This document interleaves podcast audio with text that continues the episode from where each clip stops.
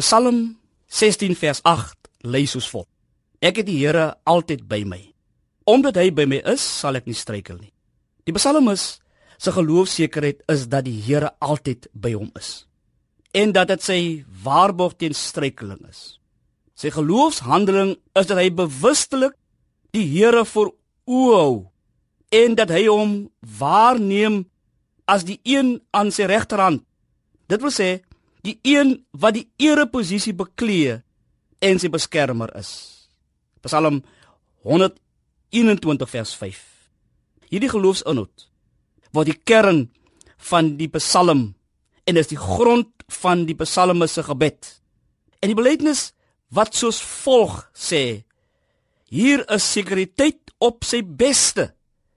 Maar dit is nie inherent aan ons nie, maar die resultaat van 'n lewende verhouding tot die lewende God. Dit is 'n geloofsaanskouing van God se teenwoordigheid en 'n geloofshandeling om in die teenwoordigheid van God te lewe.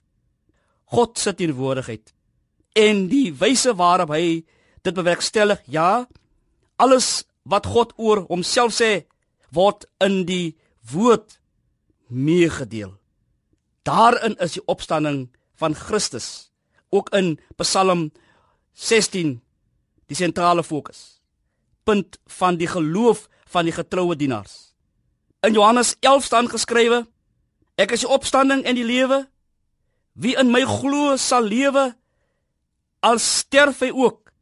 En elkeen wat lewe en in my glo sal in alle ewigheid nooit sterwe nie. Glo jy dit? In vers 10 verklaar die Psalm dat daar geen mag is wat sterker is as die band waarmee hy aan God verbind is en waarmee God hom vashou nie. Hierdie persoon, die psalmdigter, moet egter ook sê God is die een wat ek altyd deur voor oë stel.